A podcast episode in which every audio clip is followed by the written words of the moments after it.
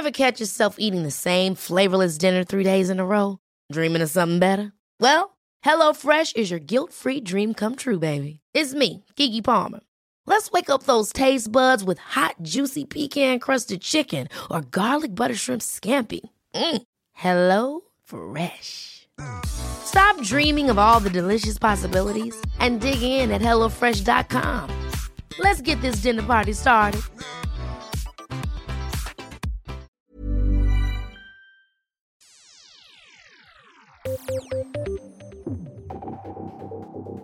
«245 000 kroner kostet det de norske skattebetalerne da Nasjonalmuseet og Office for Contemporary Art Norway inviterte til hagefest i Venezia. Sløseri, mener kritikerne, men er det egentlig det? Stortingsvalget 2021 ble av mange erklært som et klimavalg, men Miljøpartiet De Grønne havnet ikke engang over sperregrensen. Til sammenligning ble Frp nesten tre ganger så store, så ble det egentlig noe av dette klimavalget. Sosiale medier har gjort det lettere enn noensinne for folk å ytre seg. Samtidig har en frykt for algoritmiske ekkokamre økt. Skeptikerne mener at sosiale mediebrukere ikke får utfordret sitt verdenssyn, men stemmer egentlig det? Du hører på Etikk og estetikk, som er tilbake i sin andre sesong og femte episode. Produsent det er Adrian Eriksen, researcher Peter André Hegg og programleder det er meg, Danby Choi. Vi skal straks introdusere dagens panel, men først noen ord fra våre annonsører.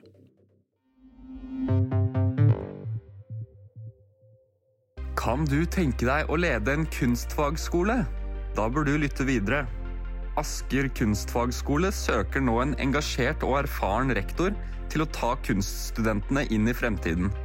Er du eller kanskje noen du kjenner den vi ser etter? Les mer på askerkunstfagskole.no.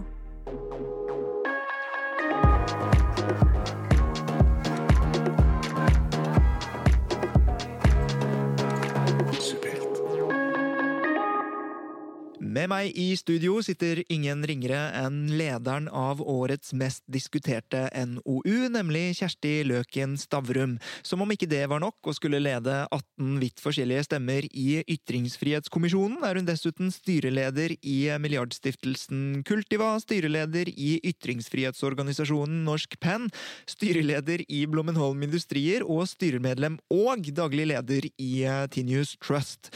Sistnevnte superstiftelse har som hovedoppgave å eie majoriteten i Skipsted, som igjen eier VG, Aftenposten, finn.no, Lendo, Adevinta og så videre. Adevinta, altså barnebarnselskapet til Kjersti Løken Stavrum, kjøpte for øvrig eBay her om dagen, og det kostet bare 85 milliarder kroner.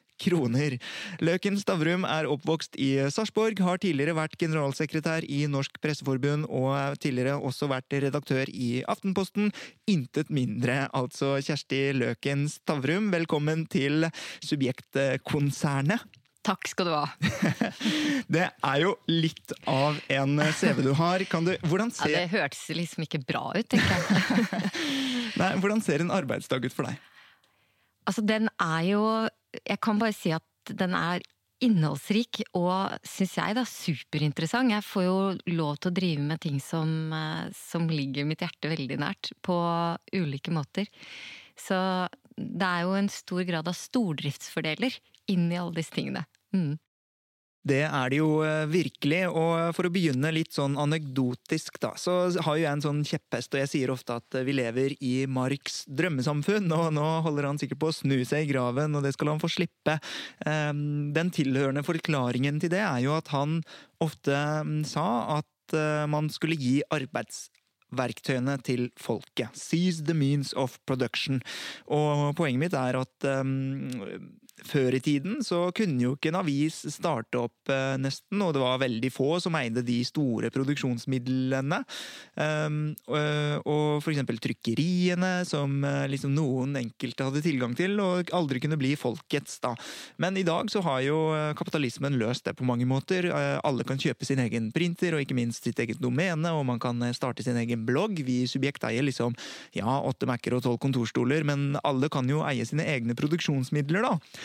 Og ikke minst eh, distribusjonsverktøyene. ikke sant? Alle har jo eh, i alle fall muligheten til å gå viralt i dag. Jeg ser jo også at mine artikler i Aftenposten for eksempel, blir ikke lest noe mer enn mine artikler i Subjekt. Så det har demokratisert seg sånn veldig.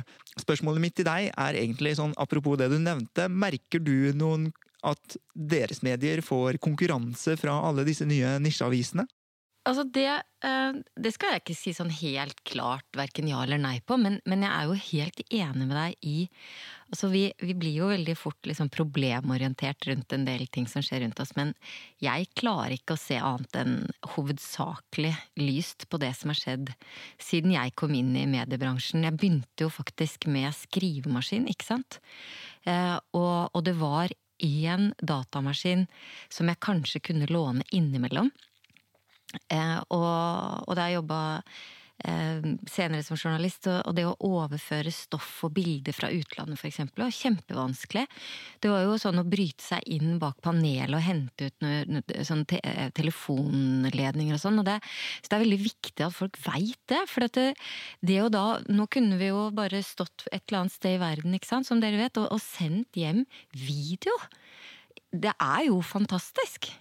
Og det har stormet rundt Ytringsfrihetskommisjonen denne sommeren. Hvordan har det vært å lede disse 19, eller vel etter hvert 18, vidt forskjellige meningene, eller stemmene, gjennom denne stormen?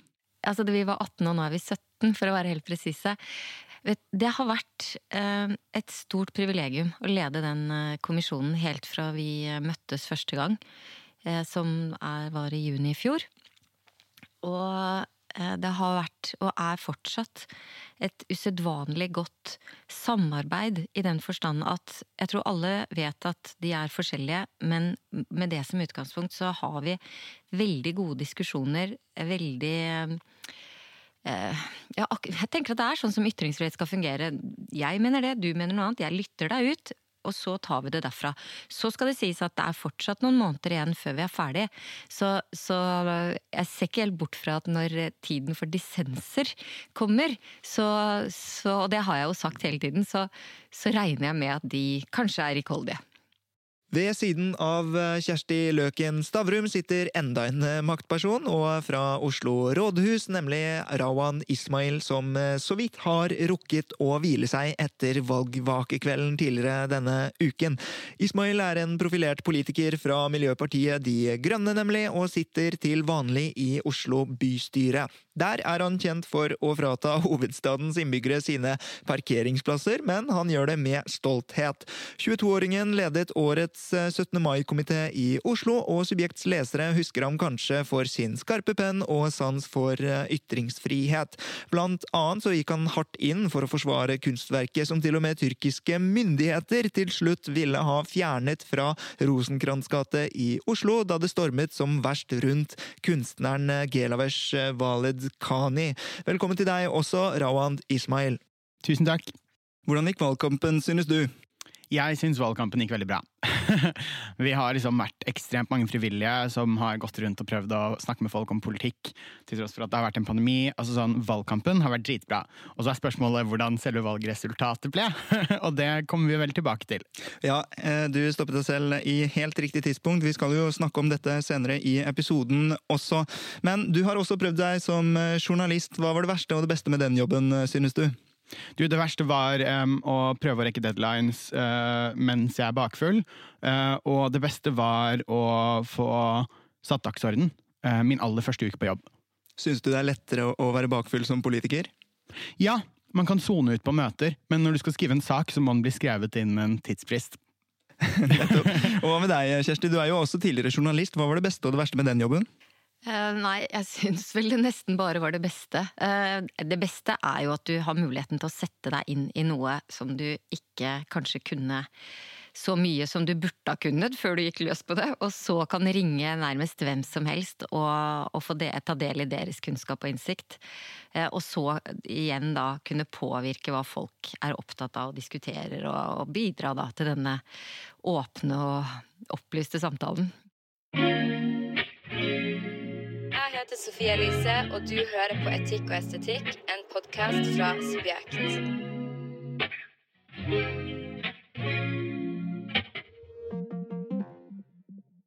Og med det kan vi gå over til dagens første tema.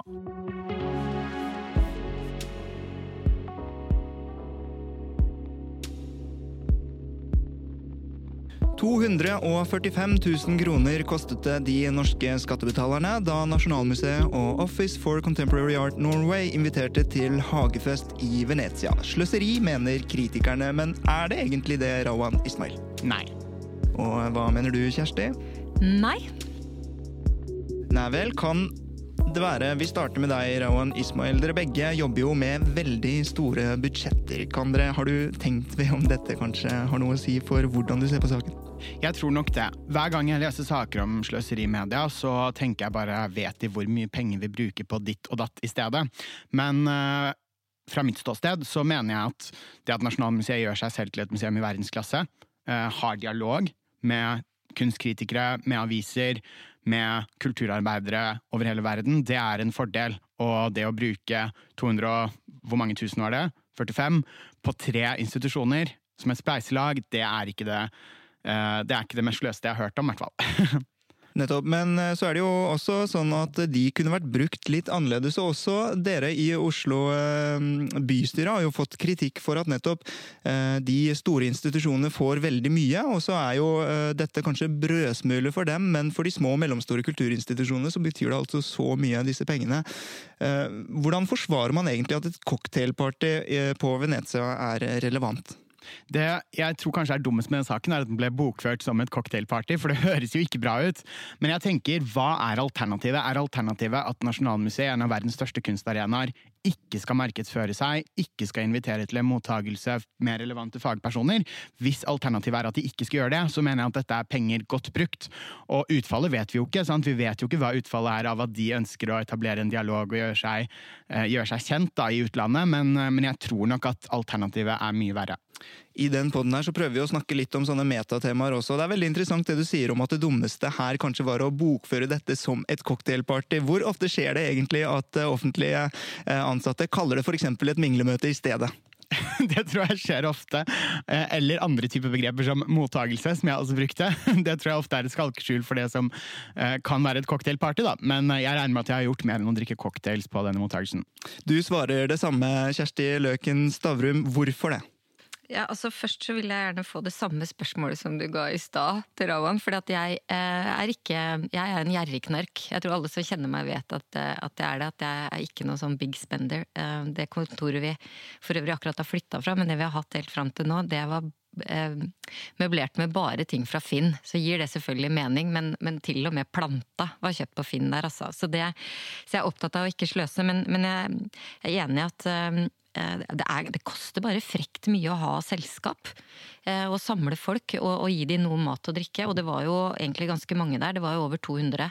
Så, så derfor så tenker jeg at det, det var ikke så dyrt, eller så mye penger. Men så vil jeg si at det var bortkasta. Fordi at eh, det kom jo altfor tidlig. Dette var jo, det, Så jeg tenkte at dere vinkla saken feil i Subjekt når dere skrev om det. fordi at det, det, eh, det var jo, Hensikten var jo å gjøre seg kjent, og eh, for den åpningen som jo ennå ikke er, og skulle ha vært for lenge siden. Det er jo en skandale som burde hatt ja, som vi burde på en måte plage de med oftere. Men, men jeg, jeg, tror på en måte at eh, hvis, Du bør følge litt med. Hvis det står noe mingleselskap, så er det fordi at vi må gjøre det igjen. ikke sant? Det all, det, dette vil, må jo oppfriskes eh, når det nærmer seg åpning. Når, hvor nå enn det blir, liksom. Vi skal følge med, sånn som vi pleier å gjøre. Eh, men eh, ja, det forsterkes jo litt dette her av at Nasjonalmuseet er forsinket, og det går litt sånn litt i vasken, all den minglingen. Som om man ikke glemmer alt etter en fest, så eh, glemmer man det litt mer ofte hvis det tar to år til dagen derpå, på en måte. Men um, apropos sløsing, så har jo det vært sånn kjempetema de siste månedene, og kanskje årene, egentlig. Det opptar eh, veldig mange, og eh, Sløseriombudsmannen har jo blitt kjent og skaffet seg 80 000 følgere på sosiale medier eh, for øvrig. Og han har jo påtatt seg den rollen og egentlig fått den eh, følgerskaren, rett og slett fordi at mange kanskje mener at mediene ikke belyser dette godt nok. Og jeg har tenkt at det er en veldig viktig ting han gjør, og, og eh, hvis jeg skulle funnet opp journalistikken på nytt så hadde jeg faktisk starta der. Jeg hadde sjekket om eh, offentlige eh, ansatte bruker pengene våre riktig. Altså, En vanlig nordmann skatter jo ikke sant, 35 40 gjerne, av eh, lønnen sin. Og det betyr at de jobber to, tre, fire timer ekstra hver eneste dag bare for å betale skatt. Og man gjør jo ikke det for at det skal bli sløst bort av eh, byråkrater. og, og ja, eh, det er kanskje det er litt sånn, eh, Kunstfeltet blir jo veldig offer for eh, dette, da, og fordi at mange dessverre har lett for å si at det liksom ikke er viktig, eller man ser liksom ikke nødvendigheten av at det må offentlig finansieres. Og folk som har lite å rutte med, og, og ser at man bruker penger på cocktailparty med skattepenger, noe vedkommende aldri kunne invitert seg selv til du som sitter i eh, byrådet og bruker offentlige penger, eh, Rawan Ismail, har dere mm, tenkt noe på den kritikken? Har dere skjerpet dere? Vet du hva, En liten fun fact. Jeg fulgte Sløseriombudsmannen på Facebook for en god del år siden. Liksom lenge før uh, han, altså Are Søberg, da ble kjent. Um, og begynte å kritisere pengebruken i kulturen. Um, og Grunnen til at jeg fulgte, var jo fordi at det meste var prosjekter som kommuner hadde som gikk langt over budsjett, og som jeg også så på som ganske dårlig pengebruk. da, Uten å nødvendigvis ha sittet i det kommunestyret og kjenne til detaljene, så fremsto det som dårlig pengebruk. Og jeg mener også at politikerne skal vise måtehold, men sløseri i seg selv er det ikke å bruke penger på kultur, og det er lett å vise frem noe som um, skaper forargelse, og som skaper et inntrykk av at penger blir brukt på tull og tøys og bæsj ut av rumpa. Uh, maling ut av rumpa. I stand corrected.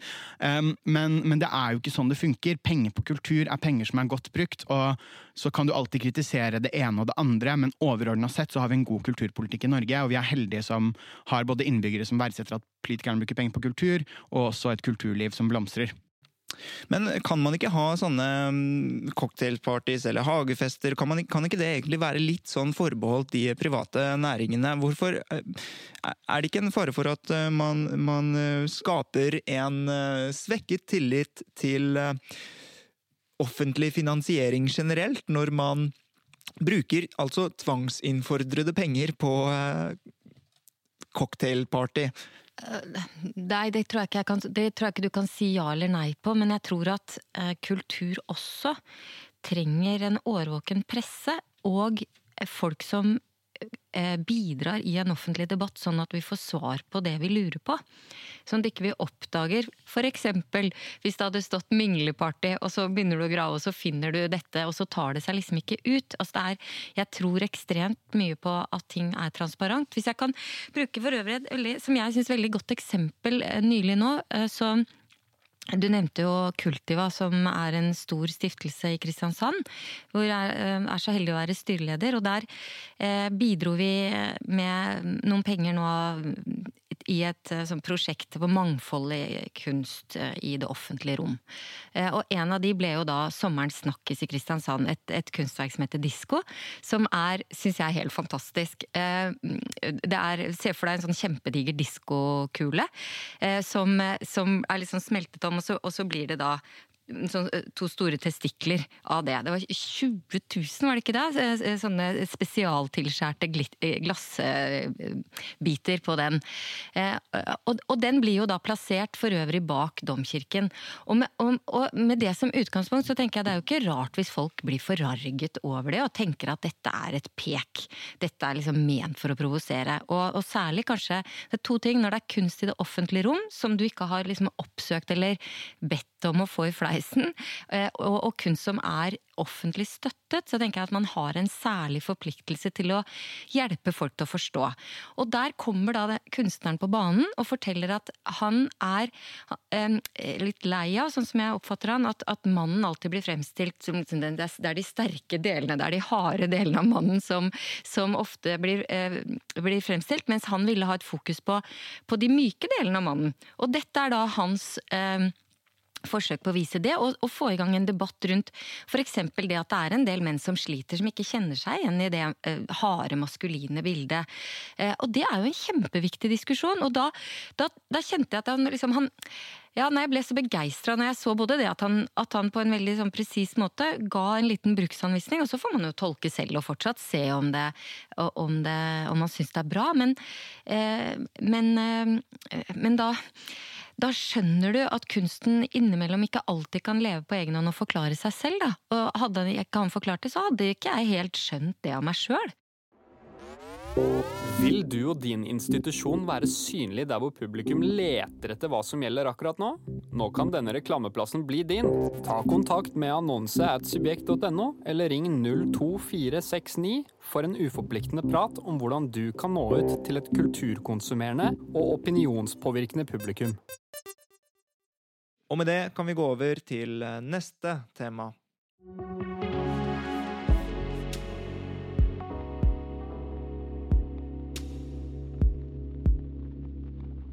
Klima, klima, klima og klima. Sånn hørtes det ut for uh, i alle fall meg ved årets partilederdebatter, og 2021 ble erklært som et klimavalg.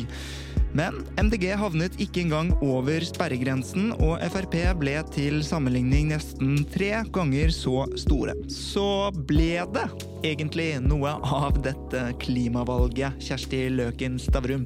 Fikk jeg svare på det først? Eh, ja, det, ja det, var, det, var, jo et klimavalg. Men eh, jeg tror folk stemte annerledes enn man trodde. Og det betydde ja, og du da, Rawan Ismail? Ja. Og hvorfor eh, Nå kan du få lov til å fortsette. Ja, ja unnskyld. eh, nei, eh, for, eh, det er vel helt åpenbart at folk manøvrerte i det politiske landskap ettersom hvordan de tenkte at eh, klima ble håndtert av de ulike partiene. Det, det, det, det, mener jeg er helt naturlig, i og med at det tok så stor del av valgkampen også. Så vet jo ikke jeg hva som rørte seg i hodet på alle de som gikk og stemte den dagen, men, men men det de kanskje ikke ville ha, da, det var eh, en veldig brutal miljøpolitikk, eksempel. Eller en veldig sånn hardhendt miljøpolitikk. At man kanskje ville ha mer avveininger. Altså jeg syns jo Tenker det rimte helt med nordmenn flest. De eh, er fornuftige, er ikke revolusjonære eller liksom bråe på noe vis. Men, og oljen er jo viktig for veldig mange. Så det å skru av krana fort tror jeg mange kan tenke at det ville være vanskelig, eller ja. Så jeg, jeg, tror det ble et klimavalg, men, men, at utfallet ikke ble helt kanskje sånn som f.eks. MDG så for seg, da. Men det har vi jo nå muligheten til å få vite. nå ser jeg at uh, Rawan Ismail brenner inne med et uh, svar. Hvis du ser på de partiene som jeg kaller miljøpartier, partier som prioriterer miljøpolitikk høyt i regjeringsforhandlinger. SV, MDG, Rødt, Venstre. Disse partiene gikk fra å ha samlet sett 21 stortingsrepresentanter i 2017 til å nå ha 32 stortingsrepresentanter i 2021. Det er tydelig at flere velgere vil at disse politikerne skal prioritere klima, og at de vil ha flere av disse politikerne. Um, og så kom ikke vi over sperregrensa. Vi var 1500 stemmer unna. Hadde vi fått 1500 stemmer til, hadde vi sikkert blitt genierklært, og valget hadde blitt kalt et klimavalg. Men jeg tror fortsatt at velgerne fikk sendt et tydelig signal også underveis i valgkampen, når de ble ringt og spurt hvilke partier de vurderte å stemme på. Hvis du så, så fikk du med deg at Arbeiderpartiet de forandret retorikken sin på klima ganske drastisk. De har gått fra å mene at vi skal ha fullt ut å kjøre i oljepolitikken, til å mene at de, tiden for de store, nye områdene er forbi. Um, Senterpartiet har hatt et internt oppgjør i løpet av valgkampen, hvor mange profilerte toppolitikere har sagt at Senterpartiet ikke hadde gode nok klimasvar til velgerne sine. Um, Høyre ikke minst har spissa konkurransen på klima, og for en som mener at Miljøpartiet De Grønne eh, ikke nødvendigvis er viktig i seg selv, men er et verktøy sant, for klimasaken, det er det Miljøpartiet De Grønne er for meg, så mener jeg at det verktøyet har vært brukt veldig veldig effektivt denne valgkampen. Dere snakker om to litt forskjellige ting her. og Hvis vi går litt tilbake til deg, mm, Kjersti Løken Stavrum, så nevner du at det har vært et klimavalg. og Det er jo ingen tvil om at redaktørene har bestemt seg for det. altså Det var første tema i alle sendinger og alle partilederdebatter. Eh, men så er det jo også sånn at eh, de, eh, de ble jo veldig marginale, alle disse klimapartiene. Og det er jo ikke sikkert Rawan Ismail, at det er pga. klima at de stemte på de ikke-radikale klimapartiene. Og Frp, som jeg også nevnte, er jo til sammenligning sammenligning nesten klimafornektere. Og i hvert fall Sylvi Listhaug har hele veien liksom prøvd å neglisjere det temaet og den bekymringen. Og de ble altså tre ganger så store. Eh, jeg fortsetter ved deg, eh, Ismail. Eh, hvordan, hvordan forsvarer du at det har vært et klimavalg når man ser på de to da, partiene, særlig MDG og Frp? Det er noen som tror at for at det skal være klimavalg, så må altså det store, store flertallet av befolkninga ville det samme i klimapolitikken. Det tror ikke jeg er tilfellet. Hvis du ser på f.eks. kvinnelig stemmerett, hvis du ser på utviklingen i velferdsstaten og hvordan den har blitt styrket med årene, det er jo ikke sånn at det har skjedd med 100% enighet og blitt klappet frem av politikere på tvers av det politiske spekteret. Når én sak fosser frem, så vil du også få motreaksjoner og motbevegelser i politikken. Det at Senterpartiet f.eks. har blitt store, eller at Frp har blitt store i dette valget, det synes jeg er helt naturlig. Altså sånn, når noen mener at vi skal slutte med olje, så vil det være folk som mener at vi ikke skal slutte med olje. Det tenker jeg er et gode. Eh, og så havner vi sannsynligvis et sted imellom. Jeg håper vi havner nærmere slutte med olje enn fortsette med olje. Men det er helt naturlig. Jeg er ikke overrasket i det hele tatt over å få en motreaksjon på, på at mange velgere har vært opptatt av klima. Um, og vi kommer ikke til å klappe gjennom det grønne skiftet med 100% enighet. Hvis man tror det, så tror jeg man må lenger ut. jeg uh, bet meg merke i eh, det da Une Bastholm ved sin uh, valgvaketale underveis i NRK-sendingen, så sa hun at vi skal være det Eh, klimastae partiet, eh, eller noe sånt. Eh, tror du det er en god strategi, Kjersti Løken Stavrum? Altså det, det, det, vi er jo helt enige, egentlig, om dette. og, hører jeg. Og, og, det som jeg tror kommer til å skje, og som jo er i ferd med å skje, er at alle partiene med respekt for seg selv og, og velgerne sine og framtiden må jo ha en god miljøpolitikk. Og så vil det bli nyanser av den, eller uh, ulike varianter. og så Eh, ja, så, så, så, vil det jo være hvordan partiene ønsker å posisjonere seg i forhold til langs den dimensjonen, da. Men, men, det er jo ikke noe tvil om at det er riktig at eh, Høyre som Altså Erna Solberg sa jo på i, eh, første Erna Solberg 1-regjeringen at det er jo ikke mange her som er opptatt av klima, ikke sant? Og, og derfra har det skjedd mye. Eh, det kan man ikke si i dag. Og så, så er jo selvfølgelig jeg forundret over at Sylvi Listhaug insisterer så veldig på å kjøre dieselbiler, og at det er liksom lykken. Det, det, har ikke, det, det har ikke framtiden for seg, tror jeg. Hvis jeg skal få lov til å tenke at det er analytisk, og ikke bare noe jeg håper. Men, men vi kommer jo alle Vi kommer alle til å bli grønnere stadig. Det, men det jeg syns har forsvunnet litt, er at man har gjort det til at dette er noe som politikerne kommer til å hjelpe oss med. Det tror ikke jeg, men jeg tror at det er næringslivet som De er i ferd med å gjøre en kjempejobb. De har tatt, liksom grepet eh, bærekraftsmålene begjærlig og, og har lagt, oppfatter jeg, sin ære i å, å, å, løse dette på ulikt vis. Kommunisere og levere på, på bærekraft. Og det så det, det syns jeg at fortjener større oppmerksomhet, og det fortjener eh, større anerkjennelse, for det er der skiftet skjer. Skiftet skjer ikke på Stortinget. Nei. Eh, men eh, jeg vil at du skal svare på spørsmålet også. Jeg spurte om du tror at det er en god idé at eh, MDG Eller altså når Une Bastholm sier at MDG skal være stabeiste hva gjelder klimakampen, tror du det er en god strategi? Ja, jeg svarte egentlig på det, men du kan godt ta det en gang til. For det det blir hvordan, de, eh, hvordan, dere i MDG ønsker å eh, posisjonere dere i et landskap hvor partiene vil bli stadig mer grønne. Det blir som å si at jeg, eh, nei, vi har ikke noe, gå fra å ikke ha en skattepolitikk til at det må man jo ha. Mm. Og, så, og, så, tar vi det derfra. Så, så jeg vil jo bli overraska hvis MDG blir det pusete grønne partiet. De, siden de, det er jo en del av liksom MDGs profil, er at de er litt hardhendte. Og og, tenker at vi må eh, Hva var det du sa? At du hadde fjerna på parkeringsplassene med glede og stolthet. Og det, eh, det er det MDG way. Ja, og den, eh, Hvis vi skal være litt analytiske, strategien på en måte avhenger jo litt av at man ser at man går i den retningen sånn i stort. Og ja, Apropos det du nevner med Frp. så er jo eh, Sylvi Listhaug eh, der ute og polariserer og polariserer, som er sånn tidsriktig begrep. Eh, og hun sier eksempel til Extinction Rebellion at klipp deg og skaff deg en jobb, og liksom er litt sånn ikke rund i kantene, i alle fall. Og Hva tenker dere om en sånn strategi? Eh, det er jo ingen Jeg har tenkt det selv, i hvert fall, at det finnes jo ikke norske partier med 50% oppslutning. Så hver gang du klarer å dele befolkningen i to, så tenker jeg du kanskje har gjort noe bra. da, Bortsett fra at du også lager en sterk fiende. Eh, er det litt det også MDG gjør? De vet at de ikke kan være venner med alle? Politikk er jo egentlig interessekamp, så det å være enig med alle er aldri et mål, verken for oss eller tror jeg for noen andre partier. Og så har noen partier et mål om å favne bredere enn kanskje vi har, men vårt mål er jo å være et verktøy i klimasaken. Liksom, og dytte den fremover, sørge for at partiene er nødt til å svare på eh, hva de mener er alternativet til å slutte med olje.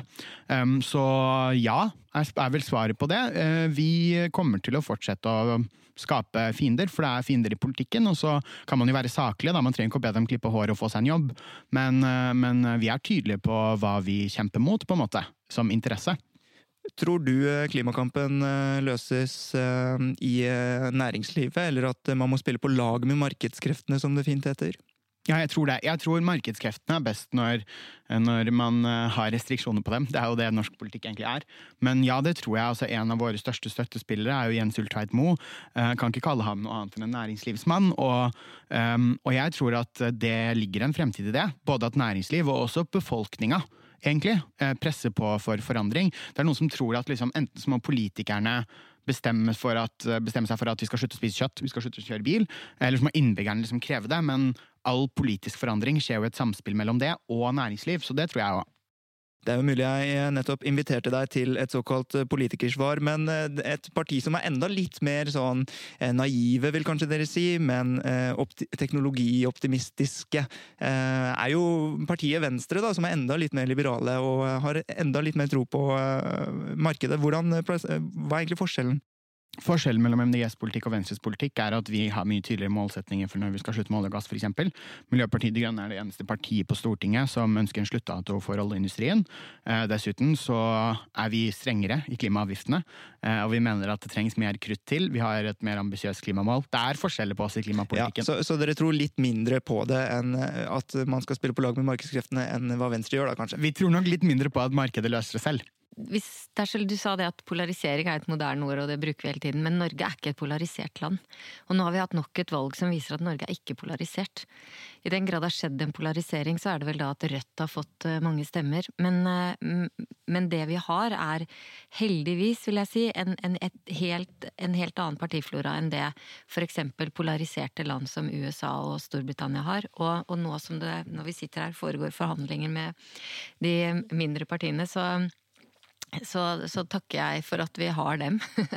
ja, det, fordi det, det, skaper en, et samarbeidsklima i det norske politiske systemet. Og det gjør at man alltid vet at man må ha venner i politikken, og man må lytte og gjøre avveininger. Og det, det tjener eh, vi alle på, tror jeg.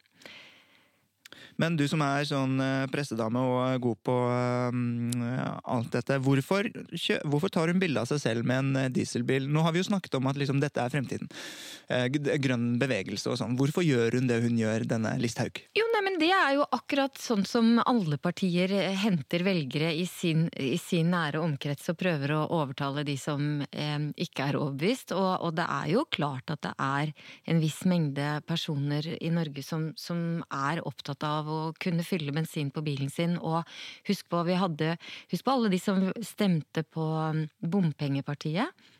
Profilen på de velgerne var jo veldig overraskende for mange, tror jeg. At det, eh, at det var velgergrupper man kanskje ikke tenkte på at faktisk ble bekymra over eh, høye bompengeavgifter i hverdagen. De, eh, og veldig mange har ikke heller muligheten med en gang til å bytte inn bilen til en elbil. Så, så det er klart at hun, hun er et parti for dem, som er der, og som mener omtrent det Eh, det som noen skal være eksponent for i, i det politiske landskapet. Sånn er det nå bare.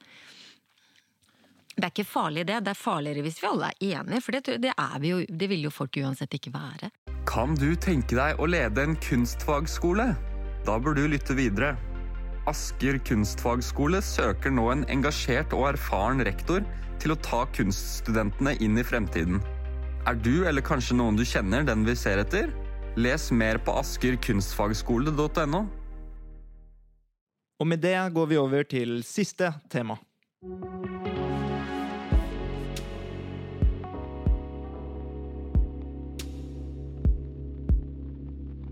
Sosiale medier har gjort det lettere enn noensinne for folk å ytre seg. Samtidig har en frykt for algoritmiske ekkokamre økt.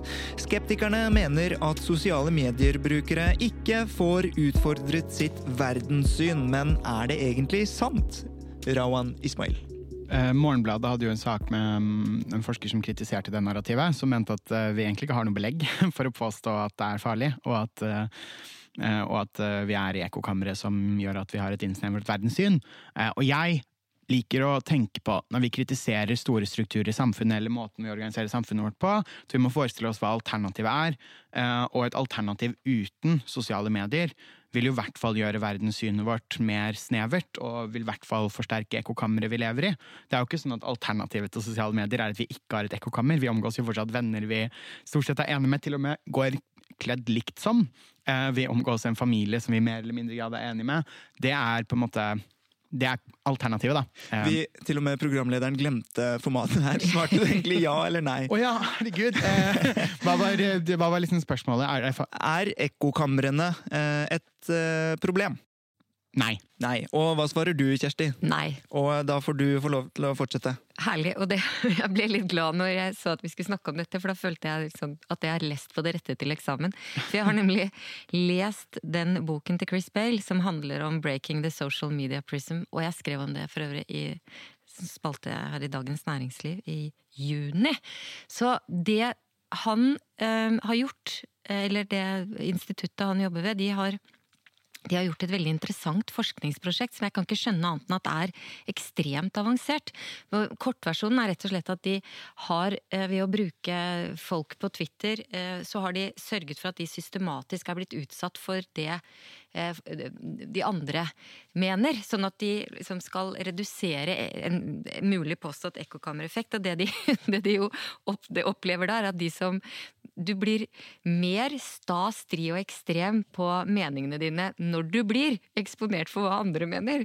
Så, så, så stikk i strid med det at vi tenker at det er farlig å være i et ekkokammer, så mener han ja. at det, det blir mye steilere fronter hvis du eh, blir utsatt for motstemmer. Da. Og det det er jo Hva skal jeg si? Det er jo det egentlig interessante her. fordi at hele vår idé, grunntanke om ytringsfrihet, er jo at vi ved å bryte meninger, så blir vi alle klokere.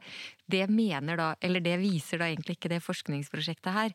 Men, men det det viser, er at vi vi, vi, vi, får aldri egentlig kommet fram helt med den, med den, vi er i sosiale medier. Det er derfor han bruker dette som en prisme. altså Du blir på en måte brutt opp, du blir antatt å være annerledes enn det du er, og så blir du misforstått. Og, så, og det syns jeg nok jeg kjente veldig godt igjen.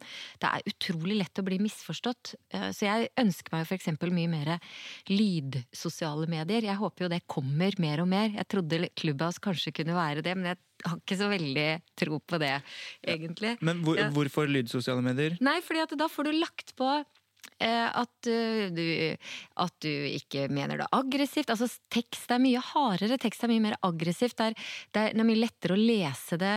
Du sitter og skriver, så hører du lyden at du høres ålreit ut når du skriver det, men den lyden hører jo ikke jeg. Eh, så, så, så, da mister man en veldig ekstremt viktig dimensjon av det å kommunisere, da. Vår, ehm, eller vi deler henne med England, men vår eminente filmskaper Dia Khan sa jo også det, at eh, vi har gjennom så mange tusen år med evolusjon utviklet sant, kommunikative egenskaper og kroppsspråk og ansiktsuttrykk, og det har vi mistet med de sosiale mediene. Og det du var inne på der, det uh, nevnte du også uh, Nei, det bringer oss litt tilbake til forrige tema, egentlig. Om man egentlig skaper enda steilere fronter og enda hardere motreaksjoner ved å være bastant, da. Uh, og men uh, det er jo sant at algoritmene gir deg mer av det du liker, både i uh, direkte og overført betydning. Er ikke det litt skummelt? Altså det, Denne uka her så har jo Wall Street Journal uh, kjørt en serie med det de kaller Facebook Files, hvor de jo stadig kommer med nye avsløringer som ligner, må jeg innrømme, litt på det vi har lest før, men det er pakketert litt på en annen måte. Og en av de tingene som, som de da har avslørt eller minnet oss om uh, denne uka her, er jo at da de for noen år siden skrudde på algoritmene for at vi skulle bli mer engasjert i, i lokalmiljøet og, uh, og de nærere vennene, så, så, had, så advarte folk internt uh, mot at algoritmene nettopp kom til å virke sånn. og Eh, og det gjorde de jo da heller ikke. Og noen vet jeg har ment tidligere at den endringen de gjorde da, den førte til de gule vestene i Frankrike. At man, at man ble liksom eksplosivt uenige, da. Så, så, det er klart at algoritmer vil, altså Du kan ikke ha et nettprodukt uten at det er algoritmer der. Men hvordan de er skrudd sammen, og hvordan de virker, er jo Det er jo én ting at det er en, liksom en hemmelig saus, men det er jo en sånn derre eh, det er jo ikke noe vitenskap i det. Så, så det å få kontroll på algoritmene og its effekt, det er jo helt umulig, dessverre. Tror jeg. Og det høres jo veldig skummelt ut, men du Ravan, du er vokst opp med å alltid ha, og jeg for øvrig, liksom algoritmer som eh, gir oss eh, de forskjellige nyhetene og i feeds. Eh, er du pessimistisk på vegne av algoritmer? Nei, jeg er ikke det. Um, og det er ikke meninga å ha et tydelig ja- eller nei-svar her, men jeg har faktisk det på en del ting. For eksempel så uh, har jeg vært i mange personverndiskusjoner bare med venner og sånn, om hva vi legger ut på sosiale medier, hvordan vi eksponerer oss, og hvordan markedskreftene igjen bruker det mot oss da, ved å gi oss f.eks. målretta reklame. Og så har jeg da svart sånn, jeg er veldig glad for det. Jeg vil jo få reklame for et klesplagg eh, som algoritmene tror at jeg vil ha, eller enn et klesplagg som jeg ikke vil ha. Eh, så jeg har egentlig jeg er veldig lite bekymra sånn sett. Det jeg er mer bekymra for, er hvordan, eh, hvordan, måten sosiale medier er skrudd sammen på, kan eh, gjøre oss mindre eksponert for ting jeg mener at vi skal være eksponert for. F.eks. avsløringene som kom knyttet til TikTok, og hvordan personer som f.eks. hadde funksjonsnedsettelser, eller var skeive, eller, eh, eller, hadde minoritetsbakgrunn på andre måter, um, hadde mindre sannsynlighet for å havne i folks uh, feed på TikTok. Det, liksom, det, tenker jeg er kjipt, bare fordi at vi har godt av å se mye forskjellig, og vi har godt av å bli eksponert for folk som er ulike oss selv, men jeg er ikke bekymra på vegne av på måte, sosiale medier og vår generasjon. Jeg syns det er bra, og så må vi være forsiktige med hva slags informasjon vi deler. Jeg føler ikke jeg har delt noe som jeg er ukomfortabel med, og når folk skal få meg til å slette Facebook eller Instagram eller ditt og datt pga. personvern, så må de nå gå til noen andre, for jeg har ingen bekymringer med det jeg har gitt av. Jeg deler din, eh, ditt resonnement ganske presist, egentlig, og mener kanskje at eh, den algoritmekritikken, eller i alle fall deler av den, er ganske gammeldags. Og forresten så er dette en eh, podkast hvor programlederen også mener litt, da. Og, og for eksempel Wikipedia og sånn, da vi vokste opp. Jeg syns, jeg syns alle lærere skylder oss en unnskyldning altså, for, for, den skepsisen de hadde til Wikipedia, og alle, alt, på, alt med internett og kilder og alt mulig sånn. Jeg har aldri lært så mye som fra Wikipedia, liksom. Og, eh, men den eh, mer negative delen da, i ditt eh, resonnement egentlig om hvem som havner i feed, så kanskje det bidrar til mer at bare pene mennesker vises, og riktige mennesker vises. Det er jo det vi snakker om her i denne temabolken. Og når det gjelder en debatt, da, så er det jo veldig farlig når man havner i en sånn loophole av sine egne likes og meninger. Men samtidig så har vi jo aldri vært så informert som vi er i dag. Og jeg møter altså så mange det er ikke noe problem å møte folk som er uenige med meg på nett, for å si det sånn. Ja, altså jeg, jeg, jeg er jo eldre enn dere, og jeg er jo vokst opp i Askim og Sarpsborg. Og der hadde vi lokalavis, hadde vi Aftenposten, eh, og så hadde vi NRK. Men fordi jeg levde så nærme grensa, så hadde vi også Sverige 1 og 2, så jeg var litt privilegert, faktisk, med det på mm. 70-tallet. Eh, og, eh, og, tenk deg nå, da. Det, er jo, altså det, er, det at jeg eksempel i stad kunne si at Wall Street Journal da, da, da, det, Sånne ting kunne man ikke si før, ikke sant? Jeg kjente ingen som abonnerte på det. Og nå, nå kan du bare ta for deg hele verden. Så det, det eneste jeg tenker som er uheldig i det perspektivet, er at det er veldig mye av det er jo engelskspråklig. Så jeg gleder meg jo til vi får bedre oversetterverktøy, sånn at vi kan lese altså koreanske nyheter helt sømløst, og bare for å nevne noen språk som er liksom virkelig fjerne. Eh, og Eh, og det vil jo bare fortsette å berike oss, hovedsakelig. Og så er det eh, for det er jo det vi, det vi, snakker om, som jeg er helt enig med, med deg i, er at vi kommer jo aldri til å skru av denne muligheten. Vi kommer aldri til å bli enige om at det er mye bedre å skrive leserinnlegg til avisa og sende det inn, og så skal de vurdere om de har plass til det en gang. Eller så står det i kø og venter, altså, sånn som det var før, da. F.eks. under den forrige ytringsfrihetskommisjonen for, for 20 ish år siden. Det var, det var jo ikke noe bedre, det.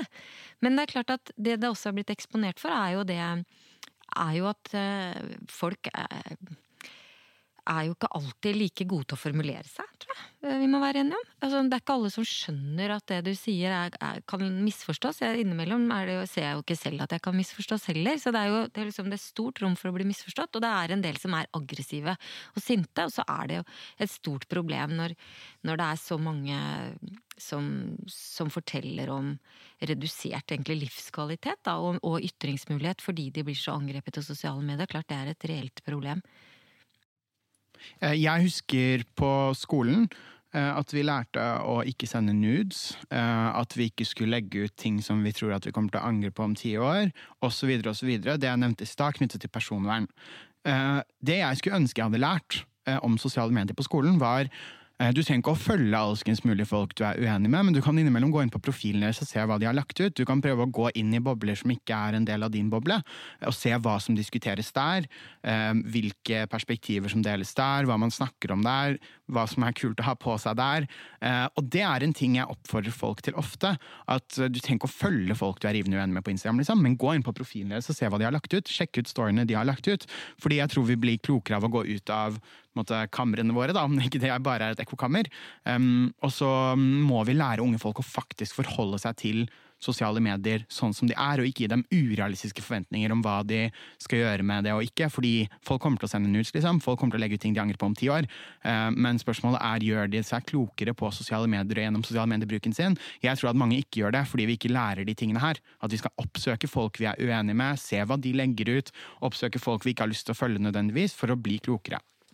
Ja, og det er jo på en måte de redigerte medienes beste kort også, egentlig. At uh, vår nyhetsredaktør sier 'les objektet hvis du har lyst til å knuse ditt eget ekkokammer'. Og det sier jo også de redigerte mediene om sosiale medier. Eh, men, men for eksempel rundt valg og sånne ting, så er dette ofte veldig viktig tema å diskutere. Du kalte det for en hemmelig saus.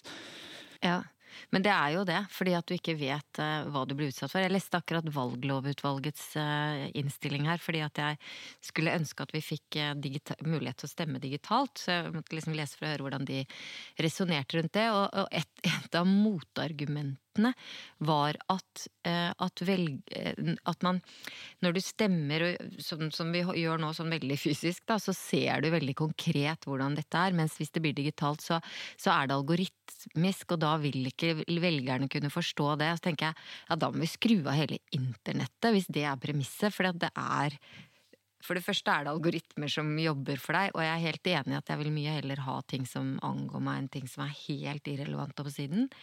Um, Eh, og så vil jo for de fleste av oss aldri skjønne hvordan ting er programmert, det må jeg bare innrømme. Jeg kan snakke om det, men jeg kan jo ikke gjøre det. Så, så, så sånn er det jo. Men jeg kunne ikke trykke aviser heller i sin tid. Jeg, men jeg kunne sende sider til trykkeriet, så fikk noen ta seg av resten. Og sånn er det jo med dette. Men eh, ja. Mm. Jeg har faktisk jobbet med politisk annonsering også i denne valgkampen. Eh, og det er, ja, en saus hvordan det havner i feeden til folk. Men det er også mulig for folk å finne ut hvorfor nettopp de får opp den annonsen fra Miljøpartiet De Grønne. Så de trykker seg øverst, øverst på en sånn post. Eh, så kan de trykke på 'hvorfor har jeg fått opp det her', og så kan de lese knaggene som vi har satt, som er grunnen til at de får det opp. F.eks. at de følger en miljøvernorganisasjon på Facebook, at de er et uttrykk for sympati med en sak, at de er opptatt av LHBTQ-rettigheter. Alle de tingene her er mulig å finne ut av. Og jeg tror det er mindre farlig enn vi tror at politiske partier for eksempel, bruker det her. For det gjør jo at de når mye mer ut til f.eks. velgergrupper som ikke stemmer, unge mennesker. Hvis de ikke får opp den annonsen, så er jo ikke nødvendigvis alternativet at de får opp annonsen fra et annet parti eller en annen politisk bevegelse. Det kan være at de får opp noe helt annet, f.eks. det å kjøpe seg en genser. Vi eh, introduserte temaet med denne Bale, som eh, er da professor ved et universitet i North Carolina. Og han mener det er lite hold i teorien om at eh, sosiale medier og ekkokamre skaper en helt annen virkelighet. Men um, det er ikke ekkokamrene vi burde være så opptatt av, mener han. Heller at det er et sprik mellom sosiale medier og det virkelige liv. Har han et poeng? Jo, men det er jo det egentlig. Det er derfor han sier at det er en prisme, at du blir liksom brutt i stykker litt, da. Eh, på, på, I det digitale. Og, og, det er jo da så veldig typisk at eh, at hvis du møter folk, så, så, er det bare mye hyggeligere, og det er mye bedre, og, og det tar vekk mye konflikt og agg i rommet. Det er jo eh, nå så går det en, en, eh, kampanjefilm for bedre oppførsel i sosiale medier, som en hel rekke organisasjoner uh, står bak. Og den, den, viser liksom at du står jo ikke i kjøttdisken og sier din forbanna dritt til folk. ikke sant? Altså, det er et eller annet med at man, man, man, er bare ikke Jeg har aldri møtt noen av de som gjør sånn. Jeg, jeg, har aldri møtt noen av de som snakker sånn. Folk er jo bare kjempehyggelige stort sett, og man kan snakke helt normalt til hverandre. Så hva som skjer med det tastaturet, det lurer jeg jo innimellom på. Altså. Hvis jeg kan lette litt på sløret, så har jeg i løpet av pandemien og liksom det å ikke være fysisk med kollegaene mine på jobb, vært ganske irritert på noen av dem. Eh, sånn skikkelig irritasjon. Sånn åh, kødder du, må du mene det her? Kan du ikke bare holde kjeft? har jeg tenkt noen ganger. Det er jo ting jeg ikke hadde tenkt hvis jeg hadde møtt dem i et møterom. Eh, og sett dem, og sett ansiktsuttrykkene deres og hvordan de uttrykker seg. Så jeg tror det er veldig, veldig sant du sier det er mye bedre om vi bare møter hverandre og møter hverandre live og snakker om det, men det er jo veldig mange ting man um, får på sosiale medier. Liksom man får alle disse meningene på et minutt og på, på, veldig kort tid, og man blir veldig informert og orientert. Um, snakker vi i sosiale medier uh, for mye ned? Nei, altså jeg, jeg mente bare når det, de, når det, blir en konflikt, eller det at folk som skriver ting De ville jo aldri sagt det selv, eller gått bort til meg og sagt det sånn direkte. Det, du bare gjør det ikke. Så det, det er det jeg mente var rart. Men jeg, nei, jeg, jeg syns jo sosiale medier er en fest, jeg. Stort sett. Eh, og jeg syns jo for øvrig at jeg får veldig lite reklame. Det, jeg syns jeg bruker Facebook altfor mye, og undres over at det er Jeg skjønner ikke helt hvor de får inntektene fra, må jeg innrømme, for jeg får lite eh, som jeg ikke har bedt om, holdt jeg på si. Men, men, det er klart at det er, det er jo veldig interessant å, å se hva folk mener, hva de deler deler artikler. Og så syns jeg kanskje Twitter er liksom Ja, det, er, det funker ikke helt for meg. Men, eh, men innimellom gjør det det. Um, ja. Og vi avslutter med et uh, siste ja- og nei-spørsmål. Og i lys av uh, debatt, klima, da, er du uh, optimistisk eller pessimistisk overfor sosiale medier? Optimistisk. Ja, jeg er optimistisk. Nesten som bestilt, altså, for det er jo alltid fint å kunne avslutte noe med optimisme. Du hører på Etikk og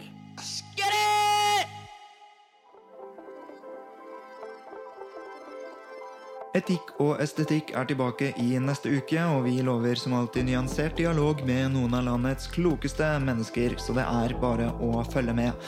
Og å følge med det gjør du ved å abonnere på Etikk og estetikk der hvor du hører på podkaster, det være seg på Spotify, Soundcloud, Apple Podkaster, Google Podkaster eller hva enn. Jeg vil også oppfordre deg til å bli medlem i Facebook-gruppen Etikk og estetikk, et debattforum hvor vi inviterer våre lesere og lyttere til å diskutere de temaene som opptar podden vår, og som opptar subjekt, da. Til slutt vil jeg takke produsent Adrian Eriksen og researcher Peter André Hegg enda en gang for innsatsen med å lage denne podkasten og til Fritt Ord, som har gitt støtte til etikk og estetikk, og til Kulturrådet og Fritt Ord, som har gitt støtte til Subjekt siden den spede begynnelse. Vi poddes!